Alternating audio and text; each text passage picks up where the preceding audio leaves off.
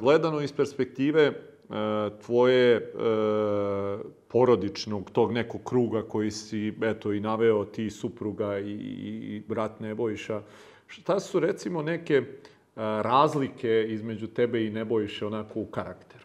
Pa mi nemamo ništa da slično. ništa, verujte. Verovatno zato smo i opstave tu, Nataša bila koja uvek to mirila. Znači, mi ništa, nemamo slično. Znači, Nebojša na dinar bi uložio 50 dinara. Mhm. Ja bi na dinar uložio dinar. Znači, tako, sa druge strane, u onim suštinskim stvarima što se tiče razvoja firme, mhm. kompanije, sve ostalo, tu je 99% isto. Ne pričamo isto, a mhm. mislimo isto. E, onda imamo tu Natašu koja je to. Mm -hmm. Tako da ovaj, ima pun različiti. Ja mislim da je uspeh e, naše kompanije, a stvarno mislim da smo napravili dobar uspeh, da nisam ni skroman, ovog puta ne želim da budem skroman, ceo život, život sam bio skroman. stvarno smo, a i redko dajem intervju, i sad pokušavam u glavi setim. Jedan je bio to na govor oca u njegovom oljnom listu politika, Bora Njegovan je raste biznis pod Bukuljom, tad sam mhm. lepo pričao i evo danas. Tako da naše te različite veštine jače. Mm ne, mož, ne moramo svi da, da mislimo isto i ne mislimo svi isto, ali dajte kad to dogovorimo da guramo tu priču svi zajedno. Mm -hmm. I tako smo do sada radili. Ali verujte, između nas troje nema baš, baš ništa. Šta je neka osobina koju najviše možda ceniš kod Nebojša? Pa Nebojša, mislim, ono, znate kako, ja, brat, levo i desno, oslonac i levo i desno, pravo i napred i nazad, znači, Mi smo tu zajedno napravili ovu, ovu kompaniju koja je stvarno ogromna, zasnovana na, na, na, na, na tim porodičnim vrednostima i zdravu kompaniju. Bez njega to ne bi bilo to, iskreno, ovaj, taj doprinos koji smo mi napravili, to je ta ogromna tolerancija, više njegova nego moja, zato što sam ja bio nasređen na cifre, na brojke, na sve ostalo. Nebojša više na razvoj, na na kompletnu organizaciju koja je još iznačajnija od ovog dela. Tako da taj spoj različitosti nas učinio, učinio danas tu da jesmo. Tako da, pored toga, uvek smo imali e, porodicu i Nebojšinu, i Natašinu, i oca, duše, pokojnog oca i majke, ovaj, koje nam sad baš nedostaju, te njihove kritike, te njihove usmeravanja, šta da radimo, ovaj, život teče dalje, Mislim da to naše zajedništvo, to, to, to naše, te, te naše različitosti su nas učinili još jačim.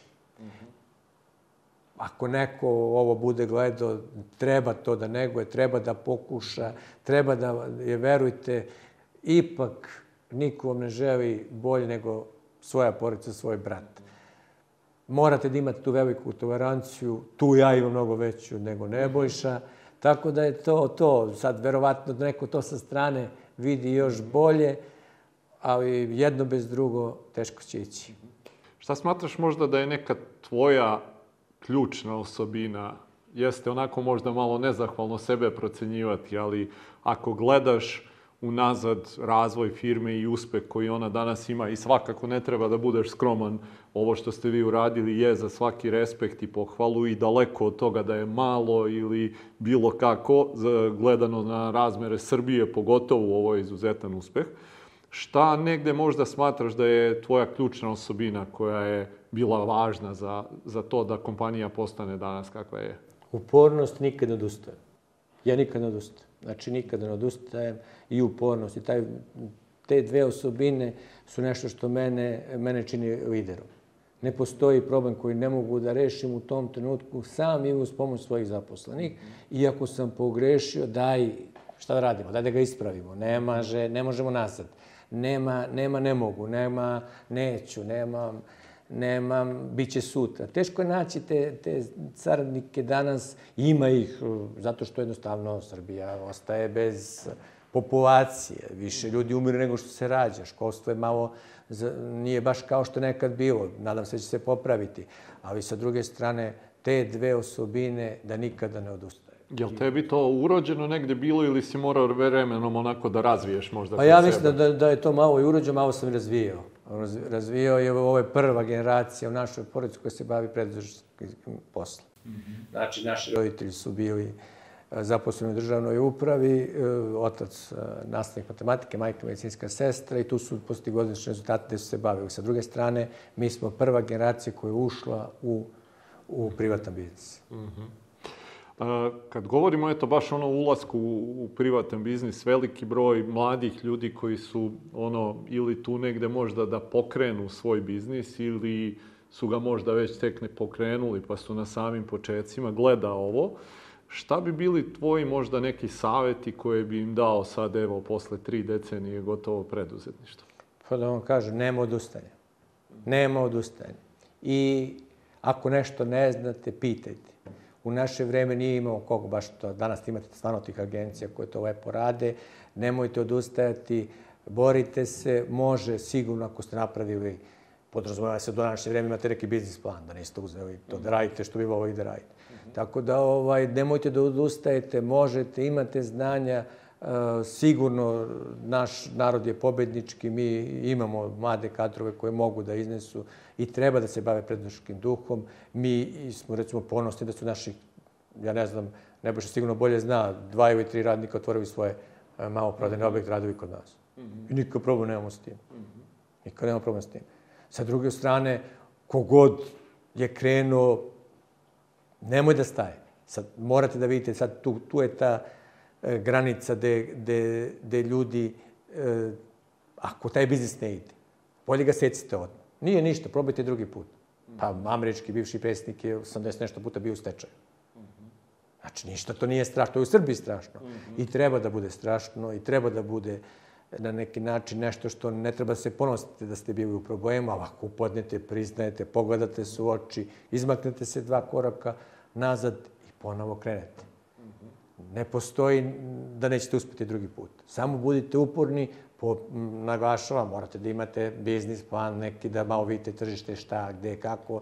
E, naši radnici su, su uvideli, recimo, e, sami su uvideli da mi nemamo više 100% kontrolu nad maloprodajama i uočili su gde su manjkovosti pa je neko otvorio specijalizovanu za fasadu, neko je otvorio, nemam pojma, gože krov. Tako da je to nama opet e, davo dodatni e, motiv da sad obratimo pažnju tu na te mhm. e, grupe artikla i na neke, na, ne, na neke proizvode koje nisu bili dominantni kod nas, a sad to jesu. Tako da samo upornost, rad, disciplina. Kad govorimo o tom biznis planu, jesi ga ti imao na početku? Promenilo su se vremena. Mm -hmm. U to vreme ne. Ja sam imao biznis plan, želeo sam da uspem i želeo, nisam želeo da radim uh, u državnoj, državnoj, nikako u državnoj uh, institucijama, a mogao sam. Mm. Mogao sam, zato što smatram da tu su ograničene vaše sposobnosti, trebate da radite, hvala Bogu, neko treba, treba nam i taj, te službe, ali sam uvek imao taj prednički duh, teo sam više. Teo sam sebi i svoje poroci da obezbedim normalne uslove normalne uslove života. Verujte, mi danas živimo u normalnim uslovima života. To je malo, viš, malo iznad proseka, ništa, ništa više od toga i tako smo vaspitavani. Mm -hmm. Da li je to dobra odluka, vidjet ćemo. Mm -hmm. Ja negde jesam, sam siguran da jeste, ali i to što ti kažeš vidjet ćemo. Ovaj, e, kad e, gledaš sad negde e, razvoj 3O u narednih recimo eto 5 ili 10 godina, šta misliš da su možda ključni izazovi koji su pred vama? Pa iskreno mislim da su najveći, da sam trenutno najveći problem ja. Jer ja to dosta kočim.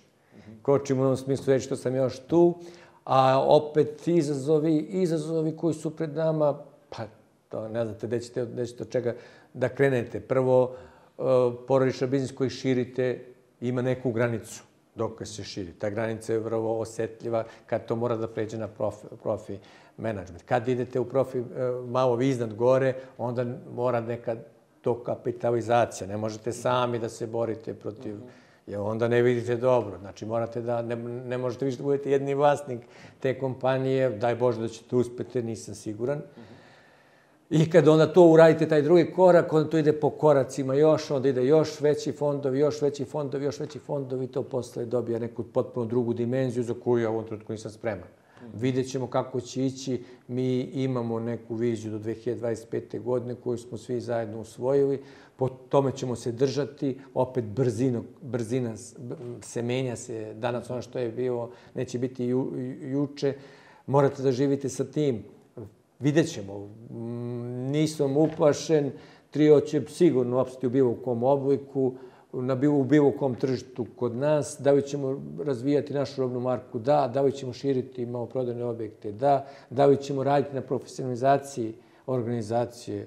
Dva, da puta dva. Mm -hmm. I da li ćemo, ovo, ovaj, da, da, da, da li ćemo stati u nekom trenutku, pogledate se oči i to da. Mm -hmm. Okej. Okay. E, Saša, pitanje sa kojim završavamo naše razgovore je sledeće. Da imaš priliku sad da se vratiš u 92 sa svim ovim što sad znaš i da budeš, eto, na kratko mentor tom Saši iz 92. godine, šta bi mu rekao? pa da vam kažem, ja se učim na greškama, imamo puno tu grešaka, ne znam, iskreno, više bih e, posvetio vreme na porodici.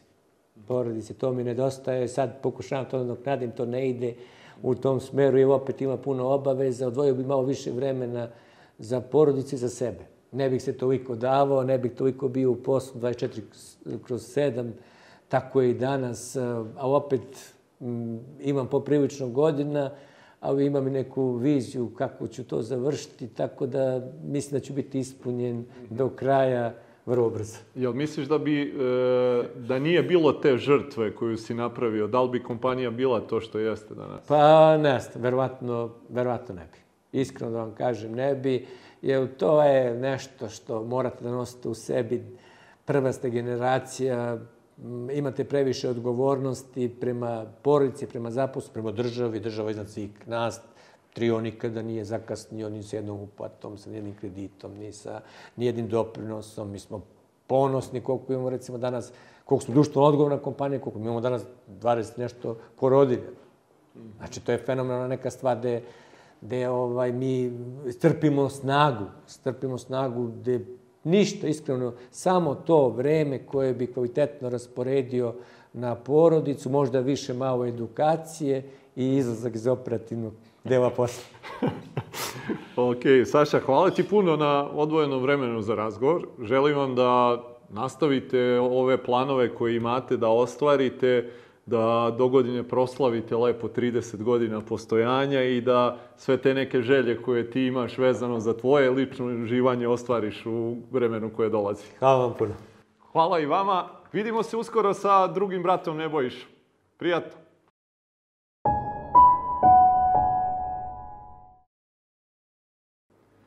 Evo nas u drugom delu razgovora. I dalje smo u kompaniji Trio u Aranđelovcu. Spominjali smo već e, kroz prvi deo e, sa Sašom da je značajnu ulogu u razvoju kompanije imao i njegov brat Nebojša.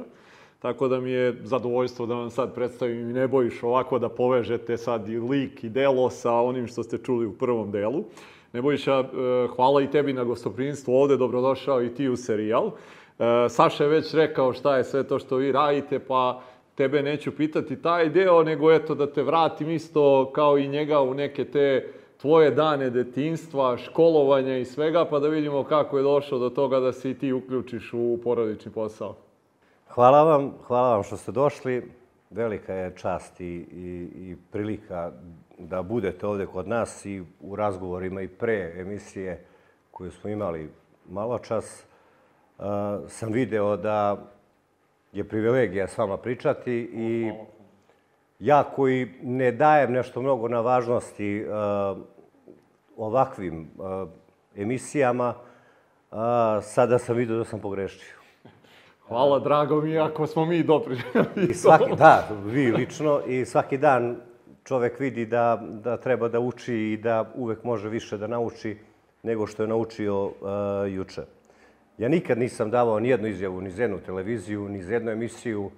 Jednostavno nisam osjećao da imam potrebe da to pričam ili da na, na taj način prenesem neko svoje znanje. Ja sam to činio više delima nego, nego rečima, tako da mi oprosti tako nešto, ne budem ovaj, bio u skladu sa tim eh, Nema Kako bojazni već? što se te stvari tiče, već smo pričali van kamera, siguran sam da, da ali opet kamere su jedno, a, a, a van kamera može svašta da se kaže, a opet kad su kamere tu, mora malo da se povede računa. Ja sam inače prilično neposredan, pa nemam nekih dlaka na jeziku, tako da kažem I sve šta mislim i Nekom se to svidi, nekom se ne svidi. Kasnije, ono što, me, što, što mu se nije svidilo, više me ceni nego, nego, nego što, što je to bilo pre. Tako da, izvolite, ja ću da Hvala da pokušam tebi, da u svakom slučaju na, na ovim lepim rečima za uvod. E, drago mi je to ako sam pomogao malo da, da usmerimo možda u neki dodatni... Sad ću stalno ovaj davati intervju.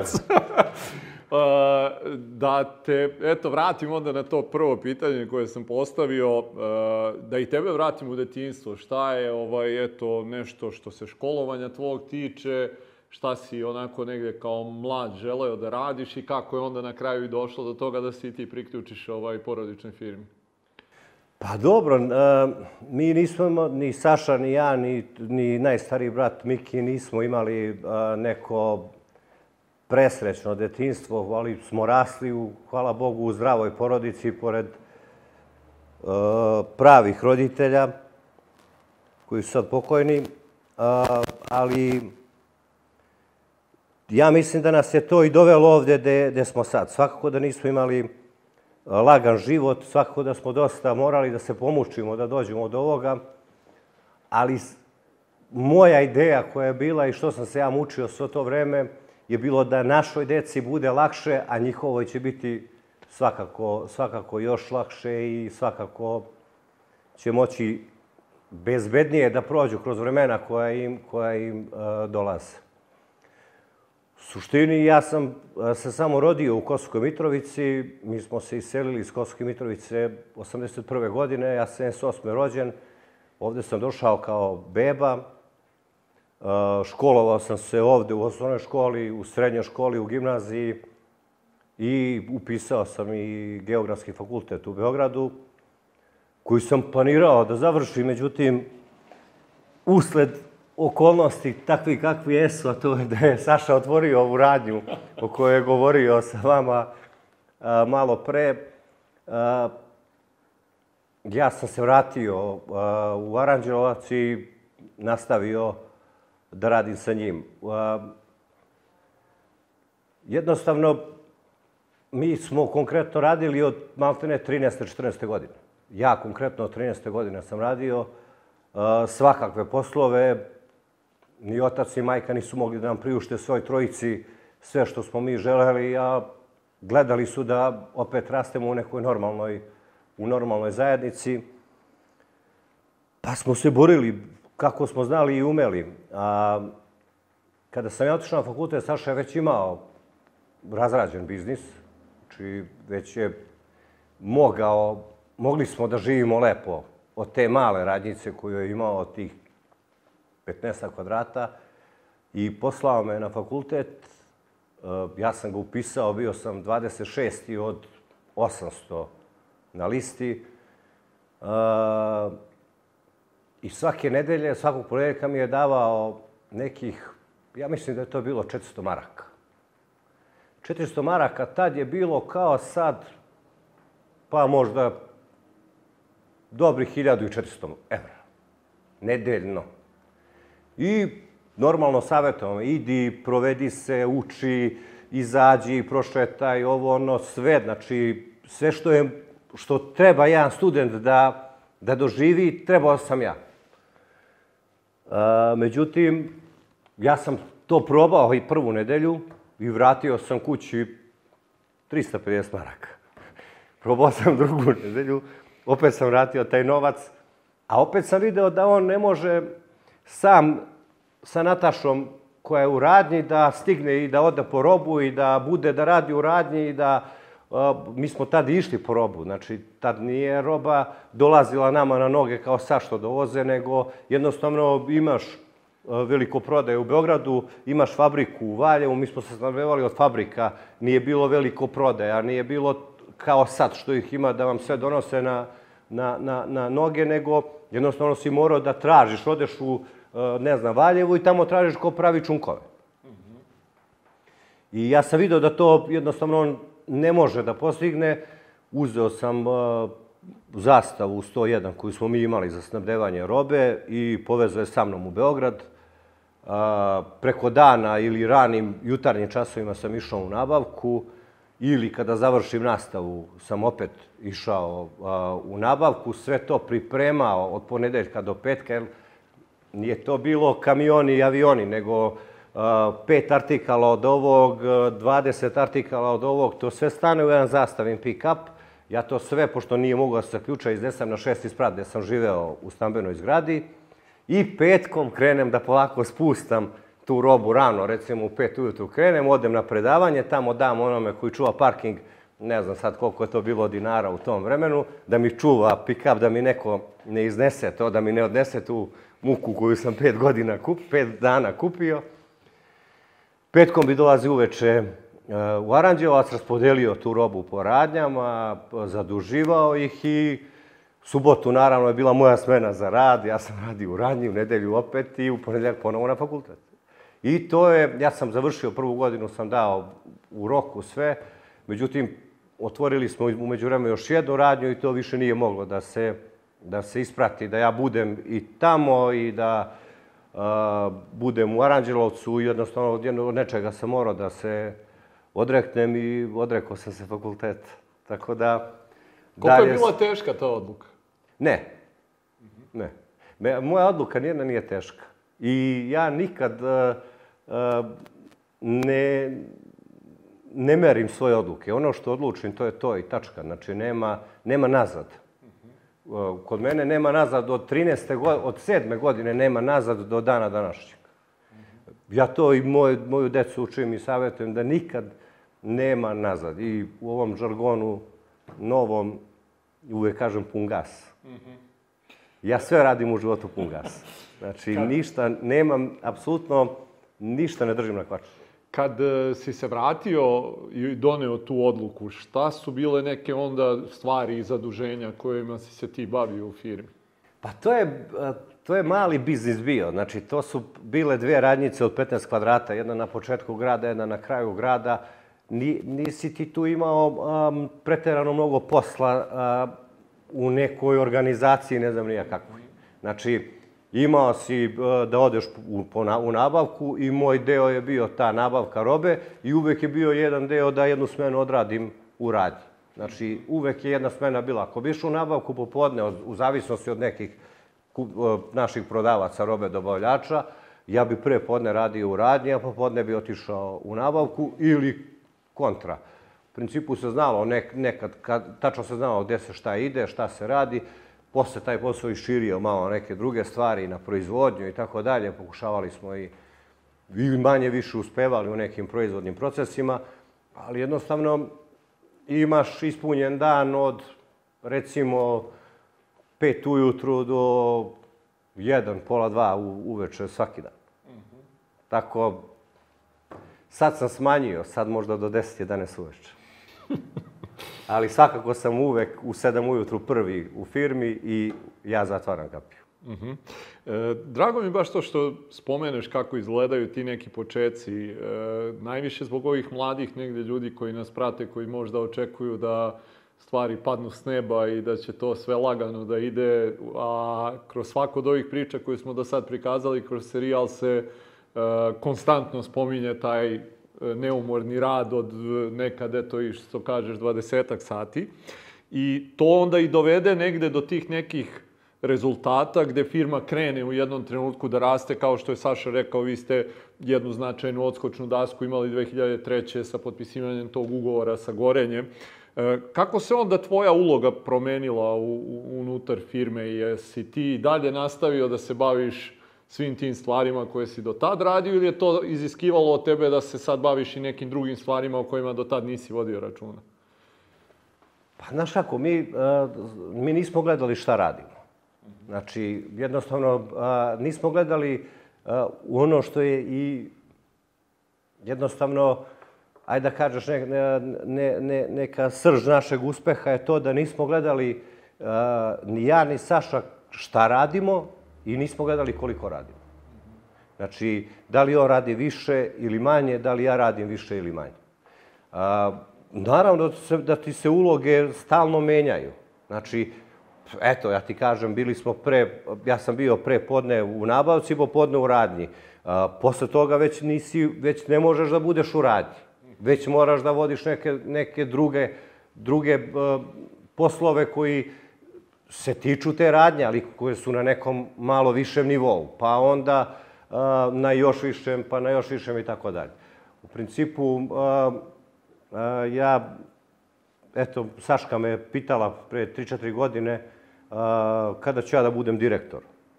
Pa rekao, možda kad budeš imao 40 godina. Znači, kako 40 godina, što sam se ja školovao, nego, nego da budem direktor? Pa da, ali svojim putem, polako, znači od početka pa sići ćeš do direktora. U principu, ja sam mišljenja da a, neko mora da prođe sve procese od tog trgovca u, u radnji, a, pa do vozača, pa magacionera, pa ne znam, nabavke, pa onda možda komercijale, pa onda ne znam, šefa, pa se vratite ponovo vamo na šefa maloprodaje, pa se opet vratite malo na komercijalu, pa treba dobrih 14-15 godina, možda i 20 da bi se bilo, da bi mogao da vodiš jednu kompaniju, treba ti 20 godina iskustva. A, da bi mogao da vodiš u tom pravcu da a, znaš šta te čeka i da znaš šta si pre, prošao i da znaš koji ti je sledeći korak. A, ako dođeš sa fakulteta, e, dođeš mlad i misliš da sve znaš, grdno se varaš. Znači, svaka čast, e, ima pametne dece, hvala Bogu, vredne, sve to super, ali ne, ne možeš, mislim sad je malo drugačije vreme, u to vreme, u to vreme u kom smo mi radili, pravili posao, nisi mogao budeš jedan 8 sati, nego si morao budeš jedan 20 sati. A, sigurno da će našoj sledećoj generaciji koja je Saška a, biti mnogo lakše i njoj neće trebati 20 sati. Niti, niti bi to tako trebalo. Mojoj deci, koja su generacija ispod a, Aleksandre, pa sigurno da neće, neće raditi kao što smo radili mi.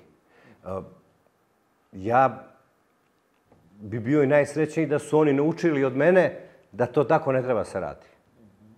Jer, bi oni, jer bi oni trebali da budu sa svojom decom više nego što sam bio ja. Ja nisam bio uopšte. I to malo pre kad sam slušao a, šta biste promenili i to. Samo to bi promenio. Samo bi bio više sa decom. Kad govorimo o promenama, e, šta su neke stvari koje si ti, eto, možda u tim počecima E, a i kroz neke kasnije faze razvoja i firme i tebe samog morao da menjaš kod sebe? A, ja uh, nisam uh, osoba koja, koja se menja. Mm -hmm. Ja menjam druge. Menjam okolinu, ali sebe ne menjam.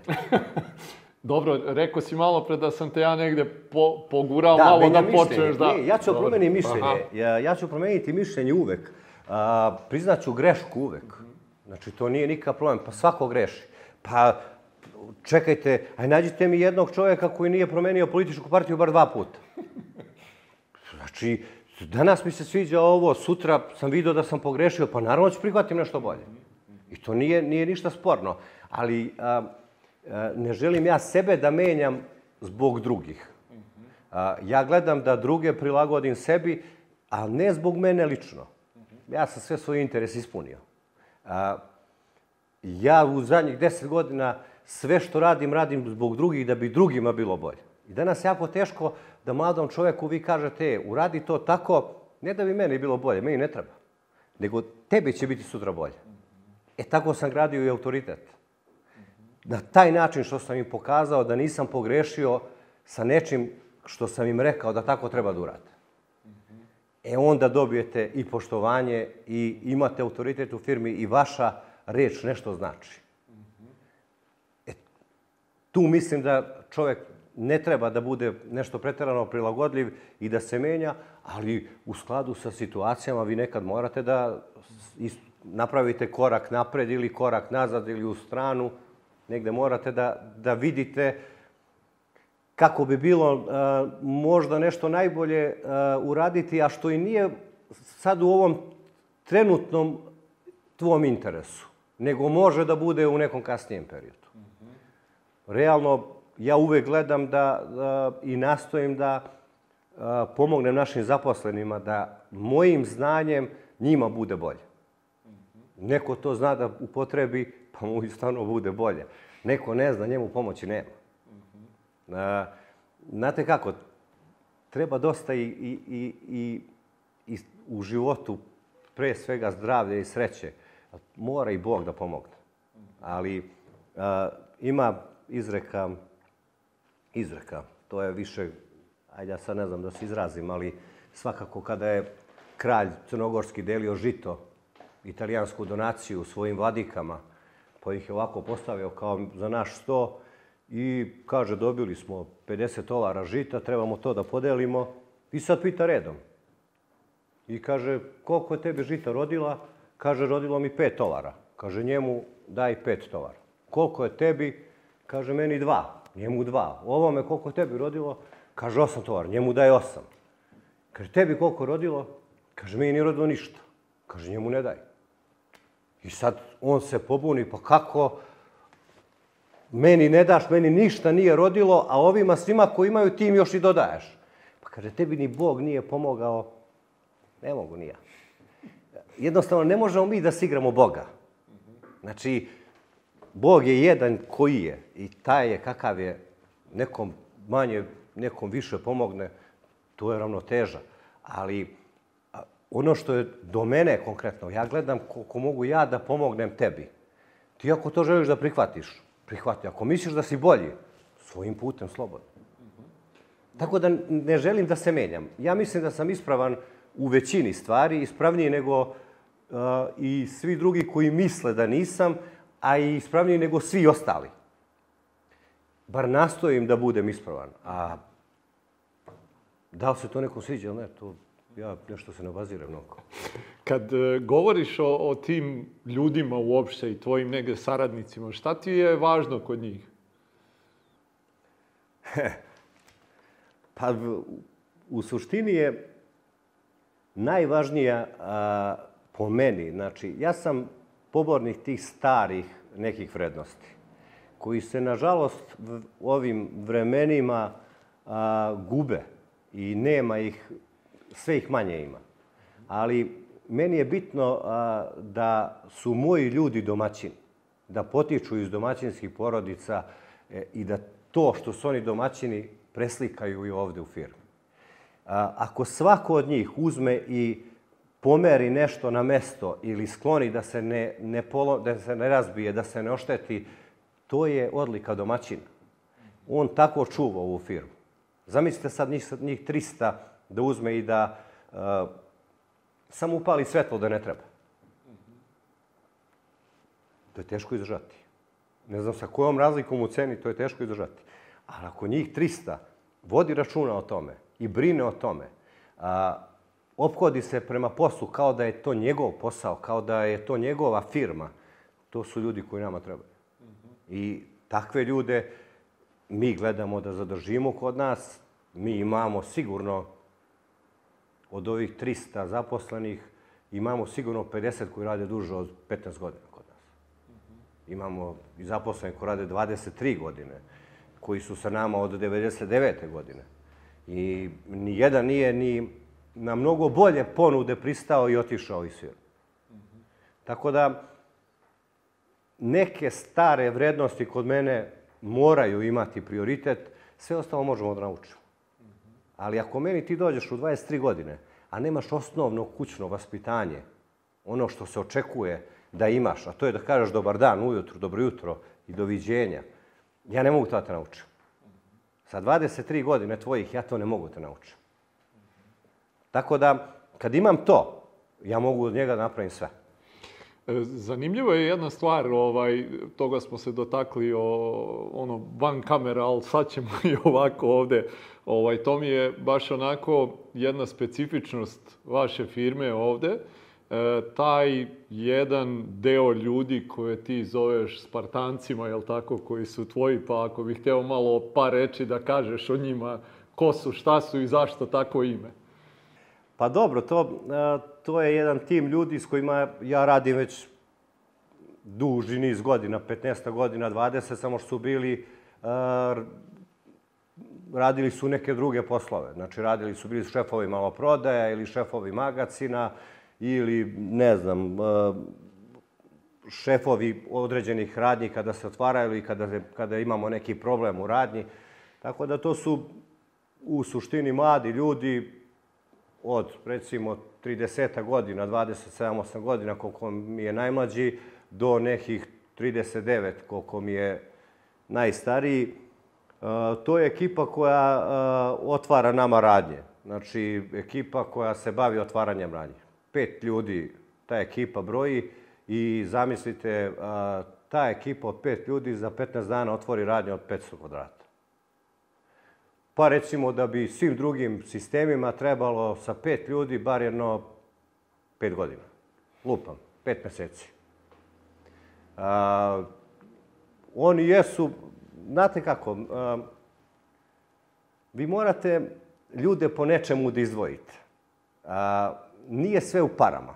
Možete vi da mu date platu kogu hoćete i oni imaju možda i najbolje plate u firmi. Ali nije im to najvažnije. Pogotovo ako ste doveli tu domaćine, ljudi koji vode brigu o ovoj firmi, onda njima pare nisu presudne. A, oni daju maksimum od sebe i biti taj Spartanac a, je u ovoj našoj firmi od 300 ljudi jako teško. I možda bi mnogi želeli da budu to, ali tu ući to je, to treba zaslužiti. Svakako da su oni, da su oni posebna ekipa, u firmi, pa aj da kažeš neke tipa unutrašnje kontrole firme, imaju pravo da kontrolišu sve, imaju pravo a, bukvalno sve kao što imamo Saša i ja. Znači, a, imaju mogućnost da svakome postave pitanje i za svakog pozovu na odgovornost. Oni jednostavno, a, gdje god zapne, oni su tu i usled korone, kada smo imali velik broj zaposlenih, oni su menjali jedan njih pet, pa vi sad zamislite na pet strana kada ih rasporedite gde će ko da ide. Mogli ste da ih viđate i kod vas u Mionici čak. Mm -hmm. To su momci koji nose crna, crne, crna odela, imaju a, lik Spartanca na, na srcu i trio na, na, na ramenu. Crno-zlatno su obučeni, imaju svoje vozila, imaju sve moguće privilegije koje ne koriste apsolutno Ni malo. Znači... Odakle tebi e, je došla ideja da se kreira nešto tako unutar firme? Pa, e, ideja je krenula kad smo krenuli da otvaramo radnje, malo prodaje. E, vi da, da bi otvorili jednu malo prodaju u Nišu, vi morate da imate ljude koji znaju posao, koji znaju robu, koji znaju kako robu spakovati, srediti. Jer ne znam sad da ste to snimili, ali rekao sam vam, kod nas nemate prašinu u radnji. Kod nas se zna svaki artikal gde stoji, mesto na polici gde stoji i to je u sistemu uneto zna se koja roba ide sa kojom, kako se spakuje, kako... Mi nemamo panograme kao određene firme pa vam pošalju sliku. znate da što? Mnogo je lako spakovati pa- planogram za smoki. Vi možda bili u ovim prehrabenim prodavnicama. Imate 10 redova, 10 polica, sve smoki. Kakva je to nauka? A spakovati robu elektromaterijal, boje i lakove, vodovodni materijal, galanteriju i sve to da ima nekog slada da kupac kad krene da kupuje, može da krene od jedne police da završi sa LCD televizorom, to treba, to treba imati iskustvo, treba imati znanje, a to ne možete nacrtati u računaru. Zato ti ljudi služe, da otvaraju radnje, da budu tu kada se radnje otvori nakon nekog perioda, bi edukovali ljude, da bi ih obrazovali, da im da bi im pokazali kakav, kakvim odnosom ti novi ljudi treba da, kakav odnos treba da imaju prema firmi, jer su oni slika i prilika te firme.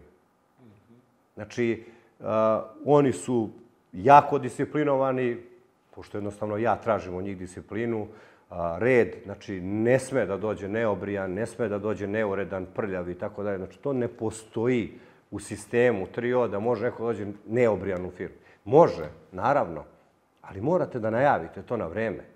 Da kažete, e, šefe, ja želim da promenim imič, hoću da pustim bradu. Nikav problem, pusti. Ali ne možeš danas si obrijan, sutra si neobrijan. Danas si čupav, sutra nisi. Danas došao u nekoj majici sportskoj, a, a sutra si došao u trio majici. To ne može, to ne sme da se dešava.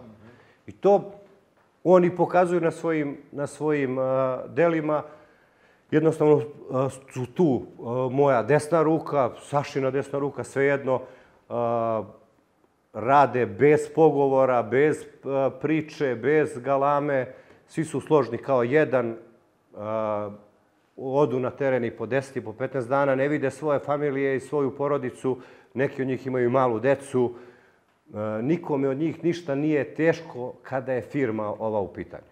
I zato su Spartanci. Znači, jednostavno, ti ljude moraš da motivišeš. Kad kažem 15 dana u, e, nisu kući, ja nisam 4 meseca bio kući. I sad ako ja nisam bio 4 meseca kući, su koji realno imam možete potrebe da ne budem, na primjer, ako vi gledate sa strane, ja sam, ne znam, ni ja, neki uh, poslodavac koji ima 300 radnika, koji to, koji to poslodavac 4 mjeseca ne ode kući, uh, nego bude u radnji. Pa onda nije njima teško da budu i pet i deset dana kada slede nekog takvog. Jednostavno morate da budete primer u nečemu da bi neko mogao vas da sledi. Nikad ne možete da kažete uh, idi to uradi, ne nego ajde idemo da uradimo. Nama pre neki dan stigo u 6 sati uveče uh, šleper balona italijanskih. Uh, ja sam bio u magazinu, naravno, i Takve isporuke se ostavljaju za sutra. Kad imamo ljudi, popodne uglavnom nemamo taj broj ljudi koji može da istovari šleper balona. To su staklene baloni za rakiju koji su jako komplikovani za istovar. Treba i dva i tri sata dobra ekipa od 6-7 ljudi da istovari. Meni su bila tu dva Spartanca i ja i četiri naša magacionera. Mi smo to istovarili za nepunih 30 minuta. Ali znate šta mi je rekao onaj dečko koji ima 19 godina, nepunih 19 godina? Ako, kao, ovaj, kad smo sve došli, kaže, gazda, mi smo ovo stvarali za pola sata. Rekao, pa dobro, to je... A znaš da mi to stvaramo tri sata? Pa rekao, znam. Pa dobro, a što, što smo mi stvarali sad ovo za pola sata? Pa rekao, aj ti mi odgovori. Ja pokušavam da ga navedem. Pa kažem, ja sam bre ti nosiš dve, u dve ruke balone, pa nosio i ja, ovako nosim uvijek jedan. Taj primer morate dati kakav treba i kad ljudi vide rezultati za tog primera, nema greška da ne bude uspešna. Kako si ti došao do, do tog saznanja? Da ti treba svojim primerom da... Je li to došlo prirodno ili si Sve ti čisto. naučio negde? Ne, to je čist, ne, čista priroda. Jednostavno kreneš da radiš, opet izabro si vamo te ljude koji su iz kvalitetnih porodica, familija, domaćinskih. Tu nema greške, to ti se jednostavno urodi da te ti ljudi prate. Znači, tom čoveku koji je došao tu, kad vidi da ti tako nešto radiš, on mora da ti se pridruži. Naučen je da ti se pridruži. Naučio ga je gen, jer mu je deda bio a, domaćin, otac mu je domaćin, pa šta, šta od njega da očekuješ? I onda njemu nije problem da te sledi. Pogotovo mu nije problem da te sledi kada zna da ideš u pravom smeru. Ako vidi, ako ideš u neku budalaštinu, neku provaliju, pa niko nije lud da te prati. Hoće oni, jednom. Hoće i drugi put. Hoće i treći put, ali više neće. A ja nikad nisam dozvolio sebi da ih u, i jednom u životu postave pitanje moje odluke. Mislim, imao sam takvih situacija hiljadu kada su me pitali, e, a si sigurno možda je bolje ovako, Rekao, ajde da uradimo ovako, pa da vidimo, pa ćeš ti ja proceneš. I onda dođe, je, bio si u pravu. Tako da ti tu gradiš i njemu a, e, sigurnost u tebe, a jednostavno i sebi gradiš neki autoritet kojim bez autoriteta s 300 ljudi ne možeš da vodiš i ne možeš da... Iako sam ja sa svima a, jako opušten i a, drugarski nastrojen, me i niko ne persira, svi imaju pravo da me pitaju šta god žele, da, je, da mi kažu za bilo koji problem da imaju, svaki će mi biti rešen, samo bitno mi kažu. Mhm. I takav odnos imam sa svakim radnikom i u Mionici, i u Valjevu, i na Zlatiboru, i u Nišu, i u Beogradu, u svakoj našoj radnji. Znači, jednostavno, ja sam prema svakom otvoren, evo, možete da vam pokažem i telefon, vidjet ćete poruke mojih zaposlenih koji me pitaju, koje, koji pokušavaju da uh, saznaju nešto ili da im se nešto pomogne, oni znaju za to da sam ja uvek tu i znaju da je ono što najbitnije kod mene, a to je reč, da će biti ispoštovano. Kad si već donosio sad, spominjao si eto neke odluke kad treba da se donesu, kako one izgledaju kod tebe? Je li to više intuicija ili sedneš pa onako malo više e, analiziraš stvari? Sve što sam analizirao duže od minut nisam uradio. Znači, nema... A, s, samo mora pun gas. Mm -hmm. Kako je to bilo sad sa Sašom uskladiti taj tvoj temperament i njegov, kao što je on i rekao, vi ste totalno mi različiti? Nema, mi smo diametralno suprotni. Mm -hmm. Mi nemamo apsolutno ni jednu sličnost. Mm -hmm.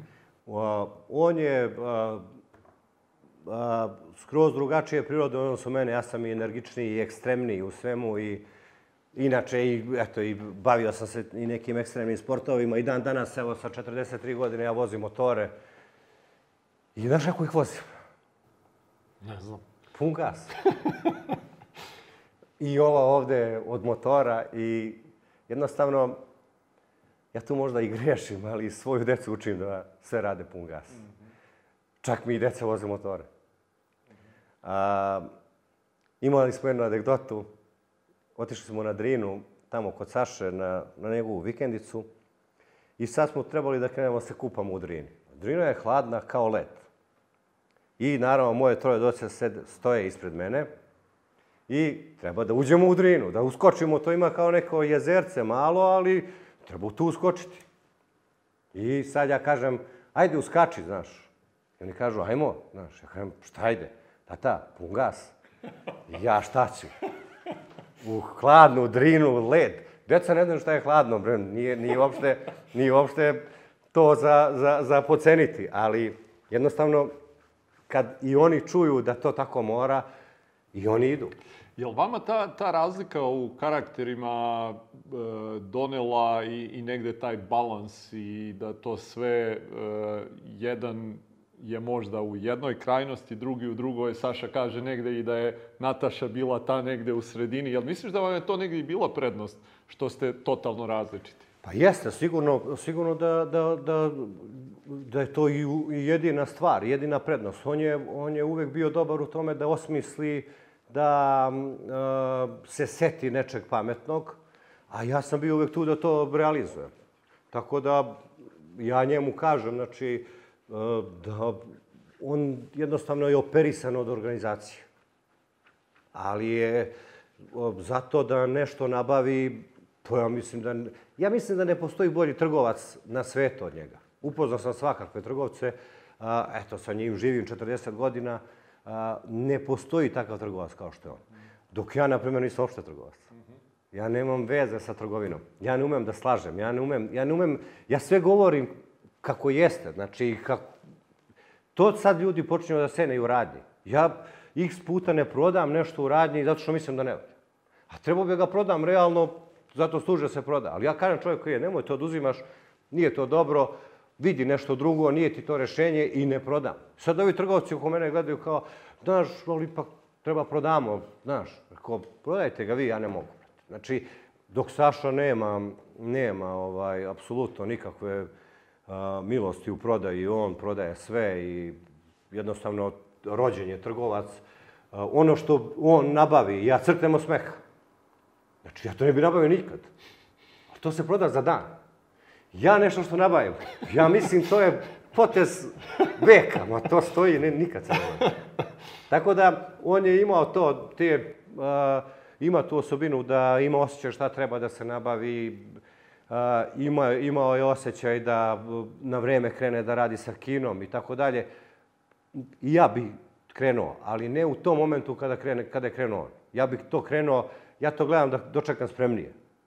On krene, a posle razmišlja o, o, o posledicama koje nas čekaju. A ja prvo razmislim, pa onda, pa onda krenem. Ali u principu, e, uglavnom se ispostavilo dobro to kako jeste i kako je on Uh, on to uradi, dođe do problema i onda ja rešavam dalje. Šta je tebi možda e, najteži trenutak u poslovnom životu ove, eto, skoro tri decenije? Nemam. Ja, znaš kako, a, uh, kada neki posao znaš, ne može da bude teško. A, po, pogotovo a, što ja volim da radim ovaj posao koji radim, mi ništa nije teško. I ja nemam te... A, te trenutke koji a, mogu meni nešto da težaju ko mene ne postoje. To je pre pitanje za Sašu, jer se on bavi takvim problemima koji se tiču financija, a, ne znam, a, plaćanja dobavljačima, plaćanja Kini, plaćanja Evropi. Tu može da dođe do teških trenutaka. Može da dođe do toga da nam zakasne naše kupci, da nam plate, pa vamo imamo spremnu valutu da moramo da, da je ispoštujemo, a nemamo. To je za mene neki težak trenutak koji, na koji ne mogu da utičem. A, ja sam u, moje, u mojoj nekoj zoni i sferi na, na koje se utičem ja. I ja ne mogu ovedem nijednu situaciju da bude teška. Mhm. Ja, mene nikad nećete vidjeti nervozni. Jer meni nijedan problem ne može da učini nervozni. Jer svaki rešavam. Mhm. Ja jedva čekam problem da bi ga rešio. Meni je to uh, svaki put uh, šansa za više. A ne da gledam, ja ne gledam problem kao problem, gledam kao šansu. Meni to treba, znači, mene to, mene to što bi rekli ovi mladi vozi. Znači, jednostavno, bez toga ja, šta, ako nemaš problem, pa meni, meni, meni je baterija do 11 sati prazna. A, znaš kako, ja obično a, nedeljom ranije, sad u zadnje vreme ne, nedeljom krene ujutru u 7, pola 8, kad se probudim, počne me boli glava. I, i znaš šta sam konstatio, zašto me boli glava? Nedostatak stresa. Jer mene e, od 7 ujutru, meni od 7 ujutru kreću problemi da, da se pojavljuju. E, ovo, e, ovo, e, ovako, ovako. I tebi taj stres jednostavno uh, napuniš, napuniš se nekom, e, nekom energijom koja ti ne dozvoljava da brineš o glavi. A nedelja kad dođe, ti nema šta da radiš i onda jednostavno te zaboli glava. Tako da, to sam ukapirao da ti jednostavno, i to sigurno nisam čitao, ali 100% medicinski dokazano, da po, da svako od nas treba da ima dozu, određenu dozu stresa kako bi mogo da funkcioniš. Mm. E, šta ti možda najveća greška koju si napravio u poslu? Ja a, ne mislim da sam a, pravio grešku u poslu. Mm -hmm. Pravio sam greške u životu. Dobro. A u poslu nisam pravio greške. Ne. Ne. Sigurno ne. Iza svakog svoje odluke stojim a, da je ispravna, Neke su se manje dokazale kao isprave, neke više, ali ja ne mislim da grešim. U poslu. Dobro. Ne može da... Ne, jako je teško pogrešiti u poslu ako taj posao radiš 20 sati dnevno. Ja sam a, 10 godina radio a, ovaj posao bez jednog slobodnog dana. Bez nedelje. Tek kada mi se čerka rodila, sam počeo da ne radim nedelju. Znači, za 25 godina, koliko ja radim ovaj posao, 27 godina koliko ja radim ovaj posao, ja mogu da saberem da sam imao možda 60 dana odmora. Šta, Nemam greška. Šta ti bude... To mi je greška. šta ti bude izduvni ventil tu? Pa, e, iznuri ventil. Pa eto, nekad sam, kad sam imao malo više vremena, otišao bi motorom malo da se provozam. A sad, e, pa otku znam, nemam, e, izduvni ventili budu neki sporedni poslovi. Nešto što radim ponovo. Pa evo, tipa sad sam se angažovao zadnjih dve, tri godine oko, tu u Topoli imamo neki kompleks grada, pa smo, između ostalog, nešto pretvorili u neki kafić i u neku kafe igronicu i dečju igronicu i e, imamo tu neku lepu baštu i onda sam ja to ovih dve godine pomalo gradio sam su, sa mojom, s mojom e, desnom rukom jednom od tih Spartanaca, sa jednim mojim e, drugarom od bukvalno 40 godina. To mi je čovek koji mi je i kuću napravio i koji sve radi za mene i radi sa mnom i tako dalje. I onda sa njim ciglu po ciglu po nešto promenimo i tu odem na sat, dva dnevno, gde se malo opustim, gde uživam u ambijentu koji sam sam sebi napravio. Eto, to mi je nešto što, gde se ja opustam, gde odem, obično budem sam, nisam nešto društven, preterano, i volim da sedim sam. Kad sedim sam, volim da budem sam, ne, trebam, ne volim da bude niko pored mene. I to mi je jedino mesto gde mogu da budem sam. Ja kada bi otišao bilo gde ovde u Aranđelovac, neko bi se uvek došao bi. A tamo me ne, većina ljudi ne zna. Imam svoje mesto gde sedim, imam svoju tačku u koju gledam i meni ništa više ne treba tamo.